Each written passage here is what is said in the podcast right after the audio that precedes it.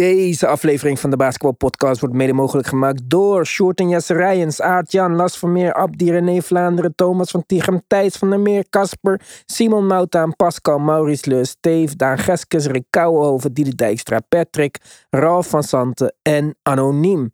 Speciale shout-out naar de GOATs, Robert Heiltjes, Yannick Tjongajong, Wesley Lenting, Robert Lute, Jan van Binsbergen, Taron en Yannick, Samet Kasic en Myron. We zijn op Apple Podcasts, we zijn op Spotify, we zijn overal waar je naar je favoriete podcast luistert. Maar we zijn natuurlijk ook op Petje Af. Als je een abonnement neemt op Petje Af, krijg je toegang tot de groupchat en support je deze movement. Help DBP, hou ons in de lucht en join the family. Let's go.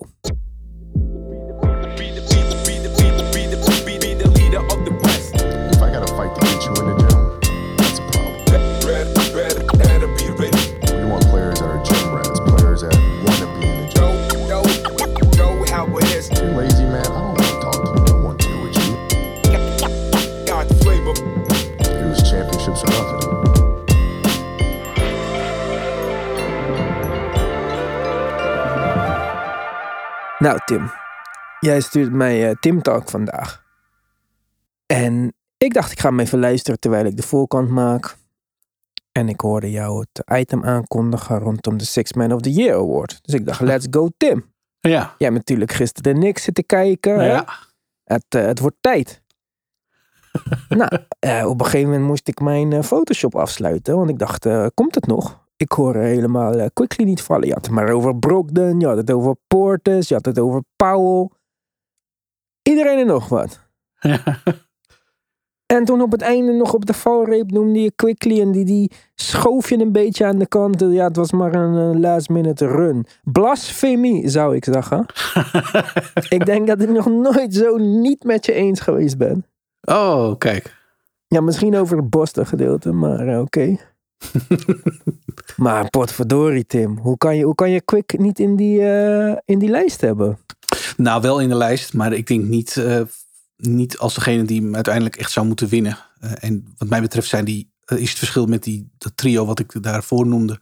Van inderdaad een Portis, een Monk en, en ook een Brogdon natuurlijk. Ja, dat dat inderdaad gewoon al het hele seizoen wat stabieler is geweest. Wat betreft niet alleen hun prestaties, maar ook het teamprestatie. En ik denk dat het verschil met, met Quickly is geweest dat hij met name toen niks het zo goed deden natuurlijk ook gewoon ja, in de picture kwam. Zoals dat dan ook wel een beetje werkt. Niet om te zeggen dat Quickly het zo slecht heeft gedaan. Maar ik vind de, de, de casussen van, ehm, van die andere drie jongens in combinatie met nogmaals hun teamsucces. Ja, wat stabieler eigenlijk gewoon. De Knicks staan achtste in de hele NBA. Ja. Dat is al best wel gewoon goed. Je draait dus in de bovenste regionen mee. Maar hij is ook een van de meest stabiele spelers van de Knicks dit jaar. Hij heeft Ja. 71 wedstrijden gespeeld. Dat is een hoop. Hij heeft eh, ja, niet eens highs in alle categorieën, maar zijn rebounding en zijn punten zijn iets wat omhoog gegaan. Maar waar zijn echte verbetering ligt, is de defense. Daardoor is hij veel meer playable geworden en is ook dus zijn speeltijd met vijf minuten per wedstrijd omhoog gegaan dit jaar. Ja, ik, ik eh, vind dit. eh, ik vind hem bijna een kandidaat voor Six Man of the Year. Het is dat de Markenen zo'n belachelijke stap heeft genomen. Maar, Most improved. Ja, dat bedoel ik. Most Ja. improved. Wat zei ik? Six man. Oh, ja, vind ik ook. Maar, eh, most improved eh, Ja, vind ja. ik hem bijna. Het is dat Markenen zo'n belachelijke stap heeft genomen. Ja. Maar nee. eh, Ik- ben het met je eens. En dat is niet zo gek. En dat verklaart ook wel ehm, waarom ik zei wat ik zei. Omdat Six Man, en dat weet je ook wel dat het zo is. Het is een vrij kale award eigenlijk altijd. Er wordt gewoon gekeken naar. Ik bedoel, dat leert de ervaring een beetje. Wat is de productie vanaf de bank? En eh, kies maar degene die het meest productief is. Daarom was Norm Paul ook een groot deel van het seizoen de leading candidate. Omdat hij simpelweg het meest scoorde vanaf de bank. En ja, die eh, valt er nu door, eh, ja, door zijn blessure min of meer weg. Want hij is al, al eventjes afwezig. Ik zeg niet dat hij 100% wegvalt hoor. Maar ik ga er een beetje vanuit dat dat eh, misschien wel gaat gebeuren. Omdat hij, ja, hij, is toch wel een, een, een tijd afwezig nu. En het lijkt er niet op dat we hem heel snel terugzien. Ja, en dan heb je een aantal jongens daaronder die bij en topteams in de NBA spelen. En al het hele jaar doen wat ze, wat ze, wat ze deden. En dat is ja, net zo goed een grote impact maken als dat misschien Quickly ook wel gedaan heeft. Maar Quickly's casus gaat inderdaad, zoals jij net al zei, misschien ook wel verder dan dat. Hij verdedigt beter.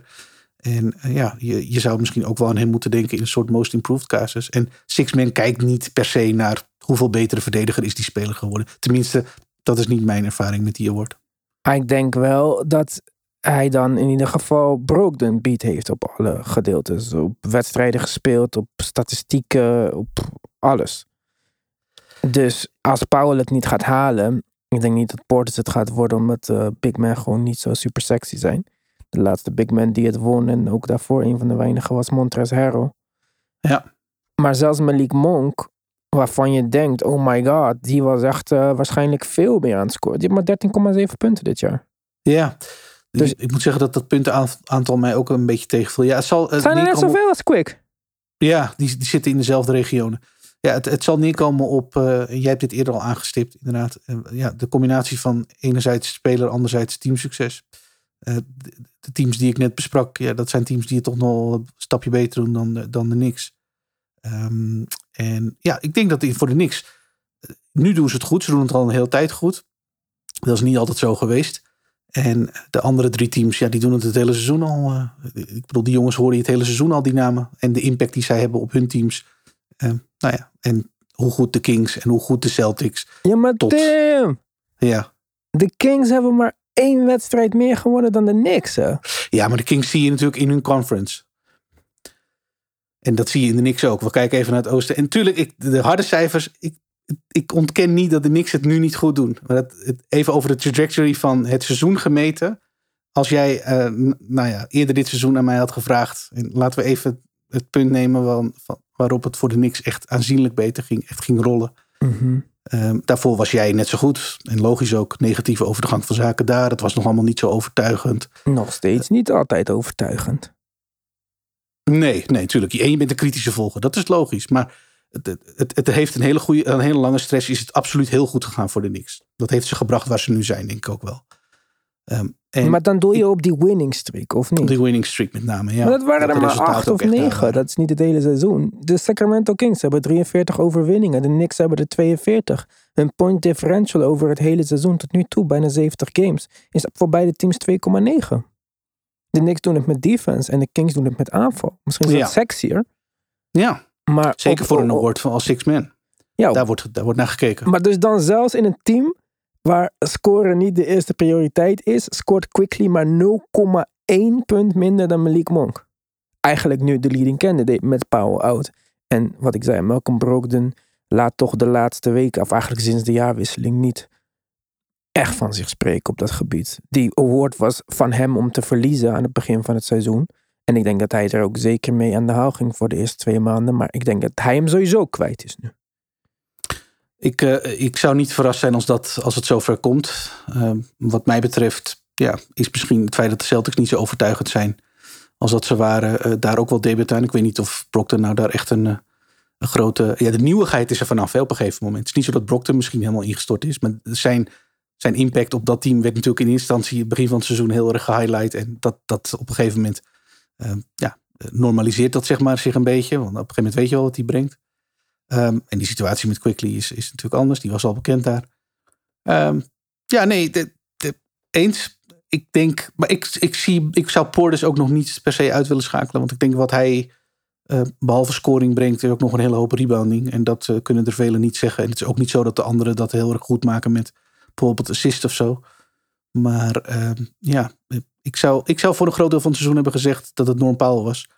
Uh, vanwege zijn scoring. Nou, die casus lijkt een beetje te vervallen. Hij was de absolute leider van de Six-Man als het gaat om aanvallende productie. We komen nu bij, terug bij een groepje wat min of meer dezelfde uh, uh, scoring averages heeft. Ja, en dan, dan moeten we even verder kijken dan, dan alleen dat, denk ik. Want, Waarvan er één de meeste wedstrijden heeft gespeeld en de beste verdediger is. Ja, en dat geef ik je. Alleen ik weet niet of de six-man gekozen wordt. Of misschien een, een edge gaat krijgen op zijn concurrent. Omdat hij een betere verdediger is. Zou wel moeten. Uh, dat wil ik je ook nog geven. Maar we, ik denk dat jij met me eens bent dat de ervaring leert dat, het, dat daar. Kijk alleen maar naar de afgelopen paar winnaars. Dat daar niet echt naar gekeken wordt, vrees ik. Mm, ja, dat uh, was bij Lou Williams en zo in ieder geval niet het geval. Nee, Tyler Hero, Jordan Clarkson. Oh ja, Tyler Hero, ja. Ja, dus... Ja, Bobby Portis maar 59 wedstrijden. Dat is een team meer voor Quickly. Dat is waar. Hij heeft eh, wat wedstrijden gemist. Ja, ja. Maar een, een, een six-man die bijna een double-double van de bank afhaalt, vind ik wel bijzonder. Ik vind echt dat dit eh Quickly zo wordt moet zijn. En niet alleen omdat ik naar de Knicks kijk. Over de Knicks gesproken hebben ze gisteren gekeken. En niet alleen wij, ik denk veel mensen in de groupchat in ieder geval keken mee. Ik had wat anders verwacht. We hebben het er voor de wedstrijd even over gehad. Ik zei tegen jou van nou, ik denk dat ze heel veel de switch gaan aanvallen. Ze Jokic gaan opzoeken. Vooral met Brunson, die natuurlijk eh, goed is in de paint en zo. Nou, Brunson was wel goed, maar niet per se in de switch tegen Jokic. Gewoon over het algemeen. In het eerste kwart vooral was hij aan-aan. En ehm, ik dacht dat het eigenlijk zou gaan inzakken. En dat de Nuggets het er wel uit zouden slepen. Maar het omgekeerde gebeurde. Niks kwam er voor het eerst. Of nou niet voor het eerst. Want ze doen het wel vaker de laatste tijd. Maar ehm, ja, historisch gezien zijn ze niet het beste derde kwartteam. Goed uit de kleedkamers. En eh, vooral de bank van de Knicks. Dus onder leiding van Quickly. Maar ook met RJ Barrett. Ja, hebben het toch een beetje doorheen gesleept voor de Knicks. Want ja, Brunson was niet zo per se aanwezig na het eerste kwart. En Randall had niet zijn beste wedstrijd. Nee. Maar eh, ja, ook Jokic had niet zijn beste wedstrijd. Nou, daar noem je wel een, eh, een, een belangrijke factor inderdaad. Maar ik vond desalniettemin knap hoe de Knicks uiteindelijk ja, nog wisten te winnen. Want ja, ik was wel met je eens dat dat, dat niet per se eh, in de lijn der verwachting lag. Eh, maar ja, ik moet ook eerlijk zijn dat de Nuggets me... En dat zal niet zo'n hele spannende take zijn. eh, redelijk tegenvallen. En dat doen de resultaten ook volgens mij. Als we dit opnemen hebben de laatste, van de laatste zes, vijf verloren. Dus het gaat ook niet, gaat ook niet zo lekker. Ja, toch gek. We hebben die wedstrijd, zoals ik zei, we hebben zitten kijken. En kijk, Jokic eindigt de wedstrijd met 24 punten, 10 rebounds en 8 assists. Nou, dat is prima als je die wedstrijd wint. Had wel veel turnovers deze wedstrijd. Maar eh, zijn schotpercentage was 61%. Dat is onder zijn gemiddelde van dit seizoen. Maar dat is nog steeds natuurlijk belachelijk hoog. Ja. Maar hij neemt maar 18 schoten. En daar vind ik het een beetje misgaan. Eh, zowel Jokic als Jamal Murray zitten boven de 60% qua schotpercentage. Maar ze nemen gewoon niet genoeg schoten. ja. Jamal Murray is 5 van 7 van 3. Ja, En Ja. dat, we hadden het erover ook buiten de uitzending. Waarom zo passief? Deze wedstrijd ja had dat, je niet dat viel hoeven mij ook op. Ja. Ja, deze Ja. wedstrijd was niet een verloren wedstrijd van tevoren al of zo. Ik dacht eerlijk gezegd dat de Knicks niet zouden winnen. Ook al weet ik hoe ze spelen dit jaar. Ik dacht dat de matchup gewoon niet zo goed zou zijn. Ik dacht nog zelfs van nou, weet toch Robinson op Jokic wordt niet echt een eh, succesverhaal. Ik denk dat Robinson het aardig deed, maar ook Hartenstein deed het aardig. Ik had gehoopt dat ze Randall op Jokic zouden spelen. Ik dacht nou, dan krijgen ze echt een probleem. Maar dat doet Tips sowieso niet. Dat was allemaal niet eens nodig. Nee. Nou, Als je Nee, twee nee. beste spelers eh, geen schoten nemen. Of geen schoten, gewoon te weinig schoten. Te weinig. Ja. Ja, Christian Brown hoeft niet zeven schoten te nemen. Kentavious Caldwell Pope hoeft niet zeven schoten te nemen. Michael Porter Jr. hoeft er geen tien te nemen. Als ze gemiddeld eh, 30% schieten. Dus de helft van wat eh, de twee sterren schieten. Ja. ja, dat kan ik niet anders dan met je eens zijn. Ja, klopt. Daar schuilt, eh, daar schuilt wel een dingetje in. Ja, En Thomas Bryant hoeft nul minuten te spelen. ja dat, eh, dat is niet echt een succes, eh, hè? Nee, slechtste signing eh, na Reggie Jackson. Maar eh, die heeft gisteren niet gespeeld. Nee. Kijk, Nee. Chancha deed het gewoon goed in de minuten die hij kreeg. En ik weet dat hij geen center is, maar misschien kan je een soort van combinatie vinden van hem en Jeff Green of zo, met Bruce Brown erbij. Weet je veel, doe iets geks met je leven. Maar die backup center positie hebben ze, niet gewoon, hebben ze gewoon niet goed ingevuld. Dan denk ik dat die eh, de Marcus Cousins minuten van vorig jaar nog beter werkte dan nu. Ja, dat, eh, daar hebben we toen ook over gehad. Dat vond, vond ik eigenlijk niet zo heel veel mis mee. Maar eh, blijkbaar vonden ze dat bij Denver wel. Ik, ik, weet, ik weet niet wat dat was. Maar, Ja, maar dat, ze- Zelfs nu, Tim, is hij Ja. de meest verschrikkelijke persoon op de wereld of zo. Dat, je, je ziet dus, je hebt twee centers, werken allebei niet. ja, kan je allebei gewoon cutten. En dan kan je Cousins halen voor het minimum, vet minimum. Probleem opgelost. Maar nee, zo verschrikkelijk is de Marcus Cousins. ik heb oprecht geen verklaring waarom dat nog steeds niet is gebeurd. Als je zag na vorig jaar wat er, eh, ondanks dat ehm, de problemen bij Denver duidelijk waren. Toen inderdaad wat hij nog wel kon brengen. Mhm. Voor wat betreft de minuten die Jokic toen af de vloer was. Wat heel belangrijk is in Denver. Dat is een van de Hun grootste Gro- zwakte dit jaar. Ja, ja, en eigenlijk vorig jaar ook. Dus ja, dit is echt een, een prioriteit één. Ja, ik- het, het werkt nog altijd niet echt helemaal. eh, ze hebben er niet echt oplossingen voor. Behalve dan met Jeff Green op de vijf gaan spelen. Of met inderdaad voorheen een Chanchar op de vijf. Ja. Ik vind het raar. Ik vind het raar dat ze het grootste probleem niet aanstippen. Of tenminste, ze hebben het aangestipt met Thomas Bryant en met DeAndre Jordan. Maar dat werkt niet. Nee, nee het, het, het valt tegen. Ehm, en ja, dit, eh, je zou zeggen dat het voor een team als de Nuggets, die het eigenlijk het hele seizoen hartstikke goed gedaan hebben, kan gebeuren dat je een keer een, een, een, nou ja, een skit zoals deze eh, hebt, waarin je er eh, in dit geval, zoals ik zei, vijf van zes verloor, verliest. Maar ik denk wel dat het in dit geval iets verder gaat dan dat als je ze ziet spelen. Eh, het is niet zomaar alsof ze er nu nou ja, zomaar even laten lopen. Het, het lijkt er wel echt op alsof ze ja, werk aan de winkel hebben om. Misschien wel is het gewoon een effort ding. Want zoals jij zei, ik vond ze wat passief. Dat viel mij ook op, dat gedeelte. Nou, daarvan zou je bijna kunnen zeggen, dat is gewoon een keuze. Dat, Op een gegeven moment moet je ergens een knop op kunnen zetten om, eh, om in een soort van playoff modus te komen. Nou, de- als ze dat eh, nog voor elkaar krijgen, prima. Want ze hebben marge, marge genoeg, zou je zeggen. Maar eh, ja, dit, dit soort losing streaks helpen niet echt. Dit- ja, ik zou me een klein beetje zorgen maken. Ja, zorg voor de playoffs ook. Nou, dat, dat nog niet direct, maar meer van. Ik geloof wel in op een bepaalde manier de playoffs aanvangen. En dat wil zeggen in een bepaald ritme met, eh, met een bepaald aantal wins, met, met confidence. En ik denk dat, dat je her en der af en toe wedstrijden verliest. En al misschien zelfs eh, meer dan één wedstrijd verliest. Dat kan gebeuren. Zeker als je op de plek staat waar de Nuggets staan. Maar ik zou wel willen geloven in. Dit moet op het juiste moment wel weer even eh, omgedraaid worden. Om nou ja, met de juiste confidence level. eh, en energielevel misschien ook wel de, play-offs te beginnen. Gewoon wetend waar je staat, wat je kan, waar je Ja. toe in staat bent. En, eh, en gaan. Want eh, Laten we hopen dat het eh, gewoon uh, Jokic manier is om zichzelf uit die MVP-conversation te halen. ja, En dat ze gewoon klaar zijn voor de playoffs. Hey, over niet voorbereid voor de playoffs te zijn. nog een punt waar ik het totaal weer niet met jou eens ben. Ik begin me echt zorgen te maken om onze verstandhouding, Tim. We staan Oh, wel veel tegenover elkaar de laatste tijd. Ah, maar ja. dat is jouw mening over de Boston Celtics, die jij in de finale ziet ko- komen, of geloof ik, dacht ik. Ehm, ik niet, Eh, dat is er bekend. Maar ik vind ook dat volledig on display is waar het dus fout gaat bij Boston de laatste tijd. Ze verliezen van de Jazz. Kijk, het kan een wedstrijd verliezen, vooral van een coach die bekend is met de spelers van de Celtics. Hè? ja, Eh, was daar assistent en was zeker in deze wedstrijd de betere coach. Joe Mazzulla eh, laat echt steken vallen de laatste tijd. Kijk, Tatum was niet goed in de wedstrijd, maar het is ook aan hem om zijn superster in de wedstrijd te krijgen. Het is de zoveelste wedstrijd, dus eigenlijk sinds de All-Star break, dat Tatum er niet echt lekker in zit. 15 punten, 6 assists, 3 rebounds, 4 uit 12 maar van de field. En geen single point in de tweede helft van de wedstrijd. En ook niet het laatste schot dus, want de Celtics verliezen met 119-118. Ehm Tatum doet keer op keer hetzelfde. En hij was nu met Will Hardy aan het roer gewoon makkelijk te stoppen. En als jouw Ja. beste speler, jouw go-to scorer, ik heb het al vaker gezegd, ik denk dat Tatum nog niet klaar is hiervoor. Sowieso niet, zeg maar. Afhankelijk, on- onafhankelijk van wat hij nu wel of niet kan of doet. Ik denk dat hij nog te jong is, dat zijn game nog te ehm, ja, incomplete is, zeg maar, om de number one guy op een team te zijn. Ik zeg helemaal niet dat hij dat nooit kan worden of niet kan zijn. Dat, dat zou ik niet durven te zeggen. Ik zou daar mijn geld niet op durven te zetten. Ik zeg alleen dat hij het nu niet is. En ik denk dat de rest van de Boston Celtics nu niet goed genoeg zijn om met deze versie van Jason Tatum te winnen. Want de versie waar zij mee kunnen winnen is de versie die hij vorig jaar was in de conference finals. Niet in de finals, in de conference finals. Toen was hij goed. Dat is hij eigenlijk niet meer geweest sinds die tijd.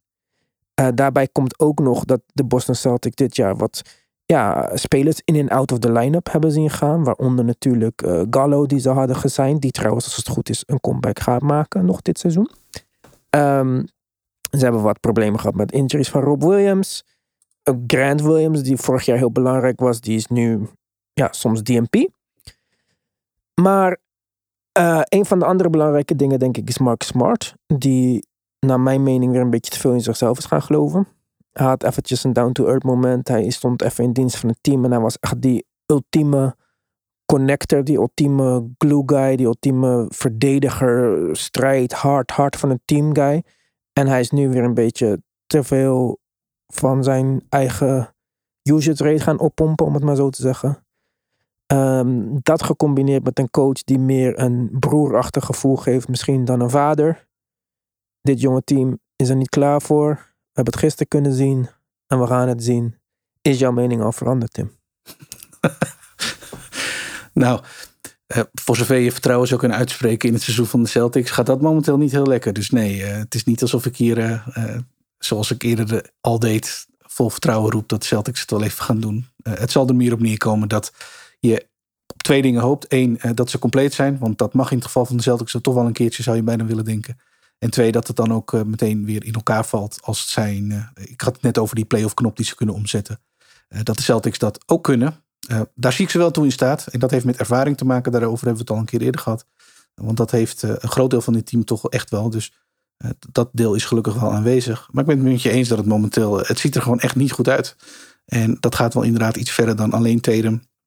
Want ja, die had inderdaad geen beste wedstrijd. En dat is her en der een aantal keer het geval geweest. Over het algemeen heeft hij een groot deel van het seizoen heeft hij het best aardig gedaan. 30 plus punten per wedstrijd scorer. Maar ja, het vertelt niet het hele verhaal van, van hem. En het vertelt ook niet het hele verhaal van de Celtics. En met name de rest van het team. Dat is wat mij een beetje tegenvalt. Daar heeft, speelt die coach speelt daar een rol in, zoals je net al zei. Met line-up keuzes en dergelijke.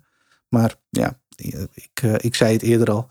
Als die bal eh, wel uit Tatum's handen gaat, dan verwacht je dat nou ja, de Celtics vooral niet gaan vervallen in eigen acties en eh, ISO-plays. En ja, dit, de Celtics die wij van vorig seizoen kenden, die zo goed waren, daar, die speelden als team en daar ging de bal goed rond. En dat, Dat, was is niet aan de hand nu. ja, vind ik wel. Ik vind dat wel een, eh, een, een, een, een verschil wat je ziet. En het- misschien is het wel een soort verval van, nou ja, de resultaten zijn er niet naar. Het loopt niet echt lekker. Eh, Jalen Brown, als ik de bal in mijn handen krijg, dan ga ik ervoor, wat er ook gebeurt. Ja. Hm. En dat is misschien voor een deel eh, wel, wel goed, want hij kan dat wel, maar zeker niet altijd. En dat gebeurt misschien nu te vaak. En ehm, ja, dat. Jalen Brown misschien- is gone aan het einde van dit contract. ja. Ah, ja. ja, ik weet het niet. Het moeilijk, moeilijk. Hij eh, kwam deze week inderdaad ook nog eh, met een, eh, volgens mij met een artikel online waarin hij het racisme van Boston fans aanstipte. Ook dat nog. Ook dat nog. Dus ja, Jason eh, de- Jalen Brown is gone, vriend. Ik, Ik, eh, kan je dit garanderen. Als Tatum niet weg is, is Jalen weg. Jalen wil zijn eigen team. Het is duidelijk. Het zou mij niks verbazen. Ik hoop het niet. Ik hoop dat hij verder kan kijken dan dat. En dat hij succes ziet in dit team, want dat is er. Dit team heeft gewoon alle ingrediënten om verder te kunnen komen. Maar ik ben het met je eens. We kennen de NBA-spelers en ja, hij is wel zo'n kandidaat, ja. ja. Ja, denk ik ook. Maar en ik zeg je ook eerlijk, afgaande op zijn prestatie van vorig jaar in de finals, leek hij meer toe aan die go-to guy, eerste man rol, dan Jason Tatum op dit moment. En dat is ook niet gek. Hij is natuurlijk ook eh, hij is een stuk ouder. Zijn nickname is zelfs Old Man. Maar eh, ja, dit is toch zijn, eh, wat is het? Even kijken, drie, ze- zevende seizoen in de NBA. Scoort 26,7 punten, 7 rebounds. Ja, ik, eh, ik zie het wel gebeuren dat we hem niet meer op de Celtics zien over twee jaar. Het zou mij, nee, nogmaals, het zou mij niet verbazen. Ja, zijn contract loopt nog door tot en met volgend seizoen. En na dat seizoen is hij unrestricted free agent. Volgend seizoen kan hij dus verlengen. Als hij daar geen interesse in heeft, dan denk ik niet dat eh, de Celtics er verstandig aan zouden doen om hem te houden. Nou, koppel dat aan het eh, vertrek van Al Horford. Wordt lastig. De window van de Celtics leek zo groot, maar wordt steeds kleiner en kleiner en kleiner. Anis, Arjan, Ja, El Horford is, eh, is een gegeven, denk ik, vanwege zijn, vanwege zijn leeftijd. Maar als Jalen Brown iets verder kan kijken en gewoon op dit team blijft. Ja, als hij weg zou gaan, ben ik met je eens dat het, eh, dat het wel een groot gat oplevert. El Horford, ja, daar moet je een beetje rekening mee houden. Die, eh, dat, dat, houdt een keer op ergens.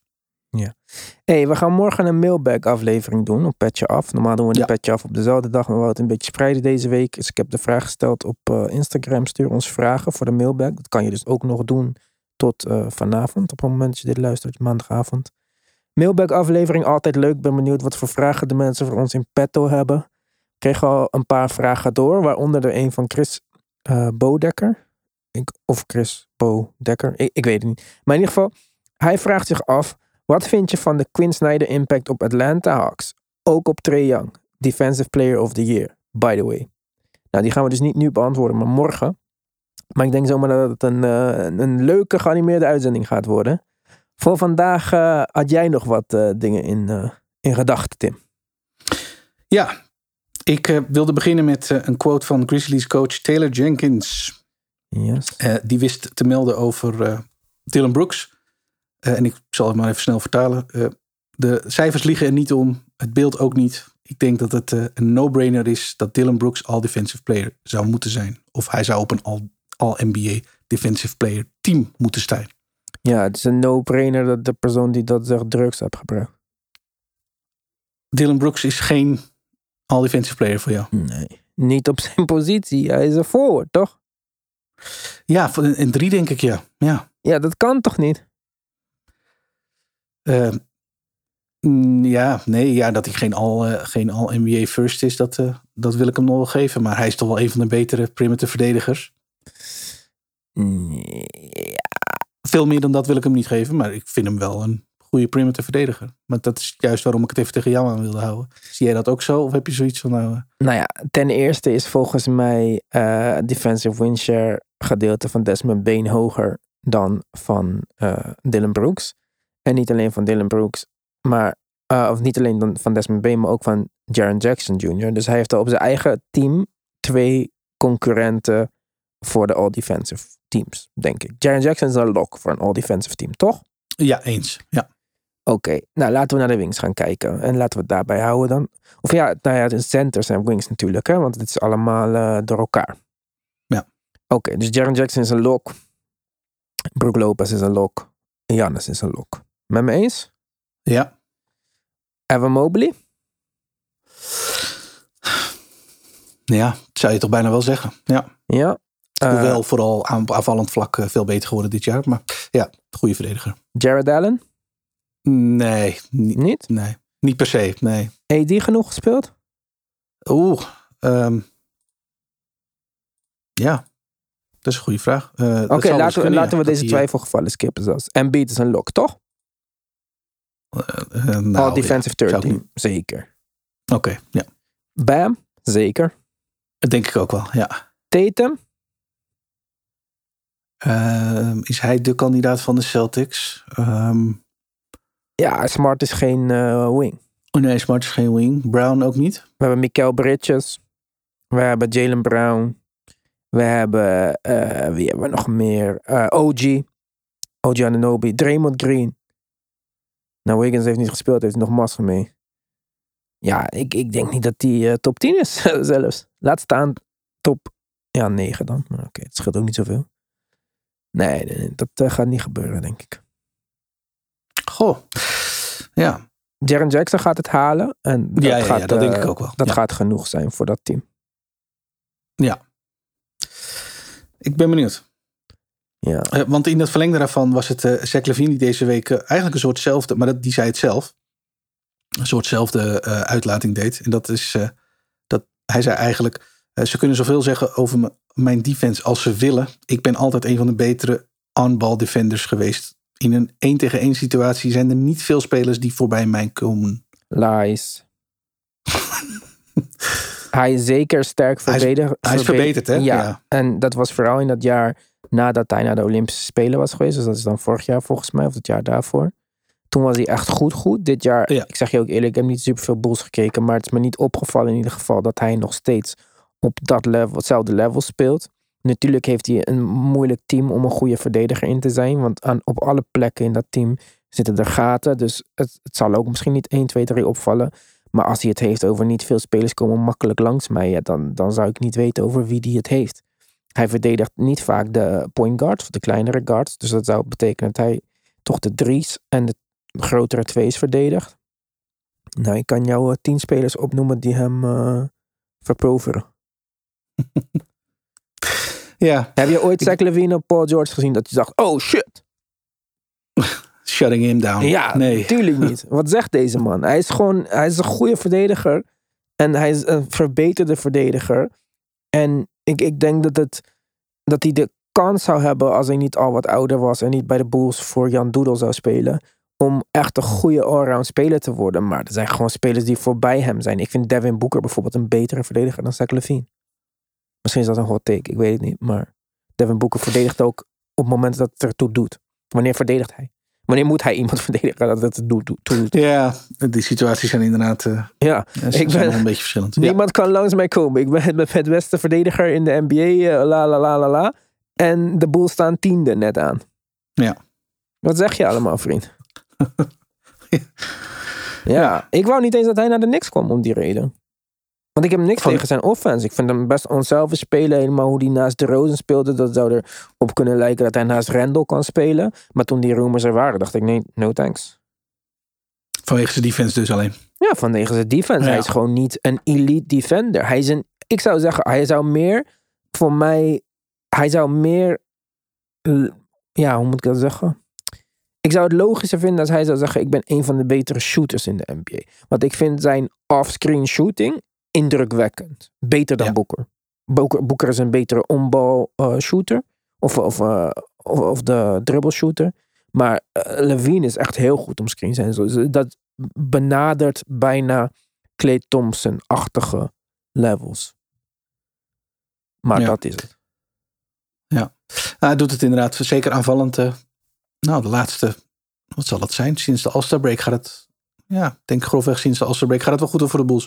Hij speelt ook echt eh, heel goed. Maar inderdaad, met hij name heeft de aanvallend. Dat, eh, Juju van eh, Jason Tatum gestolen. Die heeft het in de All-Star eh, break kwijt, eh, is het kwijtgeraakt. kwijtgeraakt. Ja, daar heb je misschien wel een punt, ja. Kijk, Zach Hm. Levine is gewoon een goede speler. Hij scoort al, wat is het, vijf seizoenen, 25 punten per wedstrijd ongeveer.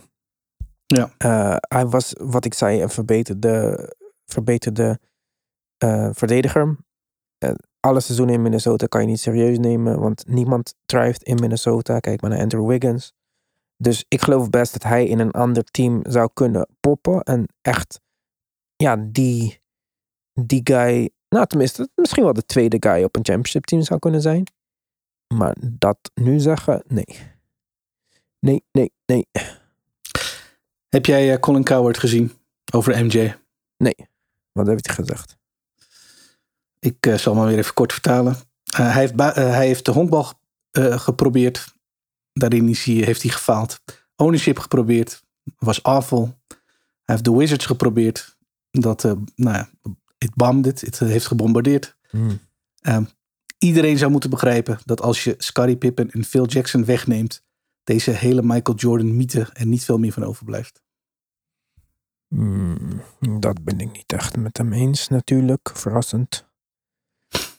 Maar, ehm, kijk, maar Wel hoog clickbait gehaald, of niet? Ja, sowieso. En kijk, ehm, je moet ook beseffen dat dit niet dezelfde NBA als, als vroeger natuurlijk. Toen Michael Jordan terugkwam bij de Wizards had hij drie jaar niet gespeeld, drie seizoenen. Hij was toen 38 tot en met 40 volgens mij in zijn laatste seizoen. Average 21 punten. Heel efficiënte 21 punten. Had een paar 50-point games. Ehm, Ja. De Wizards waren niet goed, maar dat zijn ze nooit geweest. En ook tot de dag van vandaag niet geworden. Ja, heeft hij dat gebomd? Niet echt. Had hij moeten terugkomen? Ja, waarom niet? Hij wou basketballen. Eh, wat betreft de Scottie Pippen en Phil Jackson gehaald, dat hoor je vaker natuurlijk. Eh, ik ben het daar niet helemaal mee eens. Want als je kijkt wat Scottie Pippen los van Michael Jordan heeft gedaan, zelfs met Charles Barkley's en Clyde Drexlers en eh Olajuwons en zo, stelt het allemaal vrij weinig voor. Hij is toen naar Portland gegaan, heeft hij er ook echt weinig van gemaakt met een heel getalenteerd team. Scottie Pippen is een fantastische speler, maar ik denk dat het eerder andersom is. Het is eerder Scottie Pippen was geen Scottie Pippen geweest zonder Michael Jordan, dan Michael Jordan geen Michael Jordan zonder- zonder Scottie Pippen. Maar Michael Jordan scoorde 40 punten per wedstrijd zonder Scottie Pippen. Dus En zonder eh, Phil Jackson ook al. ja, en zonder Phil Jackson. Eh, Wat Phil Jackson heeft gedaan, is Michael Jordan laten inzien dat hij het niet in zijn eentje kon. Juist. En dat is het belangrijkste gedeelte, denk ik, van Phil Jackson. Eh, die triangle is niet eens van Phil Jackson, is de Tex Winter ding. Diezelfde dingen heeft hij geprobeerd te vertellen aan Shaq en Kobe. Die hebben het tot een bepaalde mate kunnen doen. Die twee samen waren, denk ik, een voorbeeld van wat echte dominantie was. Want eh Shaq en Kobe samen, als die op dat moment hun ego aan de kant hadden kunnen zetten, hadden ze gewoon zes, zeven keer achter elkaar kunnen repeaten. Als Shaq eh, een beetje met Kobe was gaan trainen en eh, ze uiteindelijk niet uit elkaar wouden, dan waren ze onstop, onstopbaar. Dat, dat kan je ook zien aan de repeat die ze hebben gedaan, denk ik. Ja, absoluut. En, eh, ja, als je terugkijkt op die periode in de NBA, 100%. Als zij dat bij elkaar hadden weten te houden in een beetje harmonie, Ja. hadden ze kunnen domineren zoals we dat zelden gezien zouden hebben. Ja, ja, en als je kijkt naar Scottie Pippen, eh, naast Michael Jordan goed voor zijn 20 punten per wedstrijd in zijn hoogtepuntdagen. In de aanwezigheid van Michael Jordan was hij goed voor wat 20 punten. Geen high flyer. Op het moment dat hij niet meer met Michael Jordan speelt, naar Houston gaat en naast Barkley en Olajuwon speelt, eh, scoort hij 14 punten, gaat naar Portland voor de laatste paar jaar van zijn carrière. En zijn hoogste aantal daar is 14, 12, 11, 10, 10. Nee. Het omgekeerde Nee. is waar. Eh, het is zeker zo. Kijk, dat is, maar dat is met elk kampioenschap zo. Het is niet dat Giannis beter is geworden door Drew. Maar zonder Drew hadden ze niet het kampioenschap gewonnen. Want Ja. basketbal is nou eenmaal een team, of het is een teamsport. Je hebt vijf spelers nodig. En op dat moment hadden de Bulls een, een vijftal spelers, of nou en meer. Want in de tweede helft was Kukoc en zo er nog bij natuurlijk. Die gewoon Ja. goed bij elkaar pasten. Die goed op elkaar aansloten onder leiding van de Zen Master. Die alle ego's onder controle wist te houden. Die niet in paniek raakte als Dennis Rodman een eh, weekendje wou stappen. Daar komt trouwens een film over binnenkort. Ja. Maar ja, ja dat was gewoon iets heel... Ja, om dat te zeggen, dat, dat nee, dat eh, vind ik zeker niet zo. Het is alsof Nee. je wil zeggen van, eh, ja, Max Verstappen zou geen kampioen zijn geworden als, eh, als zijn auto geen wielen had. Ja, de, Ja. Nee, het is. eh nou ja. Ik eh, ben het met je eens. Eh, als laatste nog even een stukje trivia. oh jeetje. We hebben een vijftal unanimous Rookie of the Years gehad in NBA history. Nou, Mhm. ik ga je niet vermoeien met de oudste twee, want dat is wat langer terug. Dat is eh, Ralph Sampson in 84 en David Robinson in 88 geweest. Dat is leuk. De, de laatste drie, die zijn wel een stuk recenter geweest. Oei. Unanimous Rookie of the Nou, Year. die Ik geef Ralph Sampson- jaartallen. Ja, die Ralph Sanson, die, die wist ik natuurlijk. Oh, echt waar? Ja, want dat, dat hele Ralph Sampson verhaal is natuurlijk... Als hij geen niet injured was, zo, dan... eh, Oh, ja. Twin Towers. Ja, maar eh, ja, geef me de jaren. Maar ik denk dat ik deze wel weet. Nou, nou roep dan. Dan mag je eerst, dan mag je eerst proberen. Ehm, Towns, Die is goed. Dat is de laatste geweest. 2016. Ja. ja. dat was ook zijn hoogtepunt.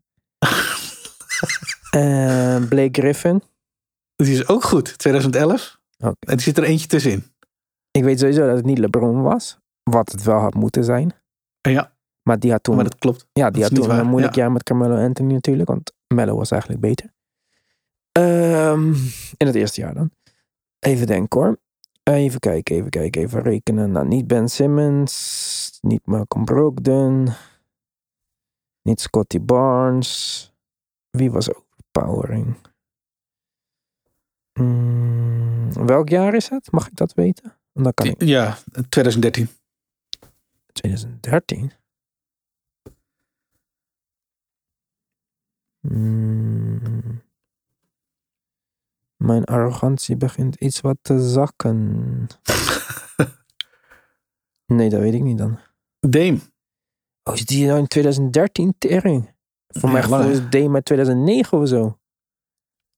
Oh, je dacht nog ouder. Ja joh. Oh, Dame is toch... oh ja, maar Dame heeft meer jaren college gespeeld natuurlijk. eh, ja, dat wel, ja. Oh jeetje. Ja, Damian dus- Lillard. Even kijken hoor. Met wie nam je het dan op in zijn draftklas? Was er echt niemand die hem kon challengen? Hij is uit de 2012 NBA draft. ja. Anthony Davis? Anthony Davis was in die draft. Was dat de nummer één? Ja. Anthony Ja. Davis, Bradley Beal, Harrison Barnes, Terrence Ross, Andre Drummond, Austin Rivers niet te vergeten. Hoezo? Wat, was het, wat waren de stats van Davis dan? Davis eerstejaars stats. 64 wedstrijden gespeeld. Nou, dat is eh, hoog voor zijn doen. Dat wisten ze toen nog niet, maar oké. Oh ja, maar 13,5 punt. 8 rebounds. Karig. En Dame eerste jaar. 19 punten per wedstrijd. 82 games gespeeld. 6,5 assist. Gelijk het meest uit zijn hele carrière, denk ik. Oké, oké. Ja, dat zijn toch wel... eh, sinds Onverwacht. 2016 hebben we dus eh, geen voorbeeld meer eh, zo gehad. Maar denk je dat, want ik hoorde jouw aflevering van Tim Talk. Jij denkt dat Bankero nog steeds Rookie of the Year gaat worden. Denk je dat hij unanimous Rookie of the Year kan worden? Nou ja, ik, dat was inderdaad ook, ook iets van een soort van aanleiding. Ik zou bijna mogen verwachten dat dat wel, eh, wel zo zou moeten zijn, wat mij betreft in ieder geval. Ondanks dat ik ook wel weet dat ik fan ben van een team waar Ma- Matherin op speelt, die eigenlijk een hele duidelijke nummer twee is. ehm, ja, denk ik wat mij betreft, als je eerlijk naar het hele seizoen zou moeten kijken, zou wat mij betreft Banquero gewoon de duidelijke nummer 1 moeten zijn. Dus eh, ja, zou ik dan bijna willen zeggen. Of het gaat gebeuren, begin ik dus eh, een beetje te betwijfelen. Door die, wat was het, Jalen Williams, toch? Door in dit geval de Jalen Williams, ja, die, die toch wel eh, erg hard aan het opstomen is binnen de, nou ja, laten we maar even de, de volgers eh, gelederen noemen, die, eh, ja, die ook veel Thunder zien. Want ja, hij doet het leuk, hij doet het hartstikke goed. Hm. Ehm, en ja, Madden is nu weliswaar nu, nu nog geblesseerd, maar produceerde ook aardig. Maar zet alleen al de stats naast elkaar. En dan zie je wat mij betreft ook al antwoord op die vraag. Oké. Ja, maar ja, dan is nog steeds maar de vraag of er niet één iemand is Exact, die gewoon ja. denkt, eh, Ja, nee, nee. Wij stemmen Nou ja, gewoon op iemand Dat- anders.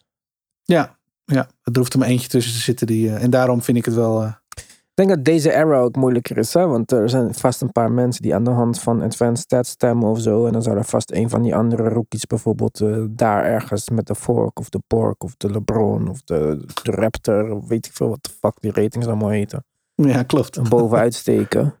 Ja. En, Ja, ik ben het met je eh, eens. Ik denk dat dat her en der wel een keer eh, gebeurt. En eh, ja, dat zo jammer. Dat, dat kan echt zo'n zo'n stemming nou, niet zozeer be- beïnvloeden. Want nogmaals, ik denk, ik zie het niet gebeuren dat Banquero zijn hoort verliest. Zeker niet. Maar als je me vraagt, gaat hij hem unanimous winnen? Wat wat mij betreft wel zou moeten. Gewoon eerlijk gezien. Ja, je hebt inderdaad... je hebt nog wel een kans dat er eentje tussen zit die denkt... Ik heb ergens nog een advanced stat eh, tevoorschijn... waarin misschien Jalen Williams er wel beter uitkomt. En eh, die krijgt van mij een first place vote. Oké. Ja, ik, eh, ik denk dat hij hem niet unanimous gaat winnen.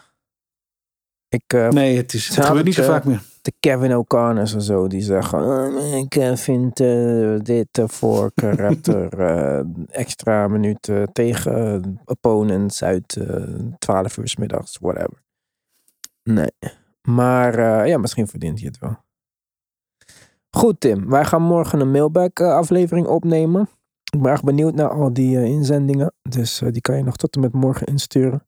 Kan trouwens ook gewoon naar onze e-mail natuurlijk. info.debasketbalpodcast.nl Eh, Tim Talk staat online. Morgen komt natuurlijk op Petje Af dan de mailback aflevering. En voor de normale uitzending zijn wij er donderdag weer. Of niet? Ja. Oké dan. Enthousiasme hier, hé. Pot voor dit. Ik, Nou, ik wist niet dat het de vraag was. Ik, eh, we zijn er zeker donderdag. Ja. Oké jongens. Fijne week allemaal en tot donderdag.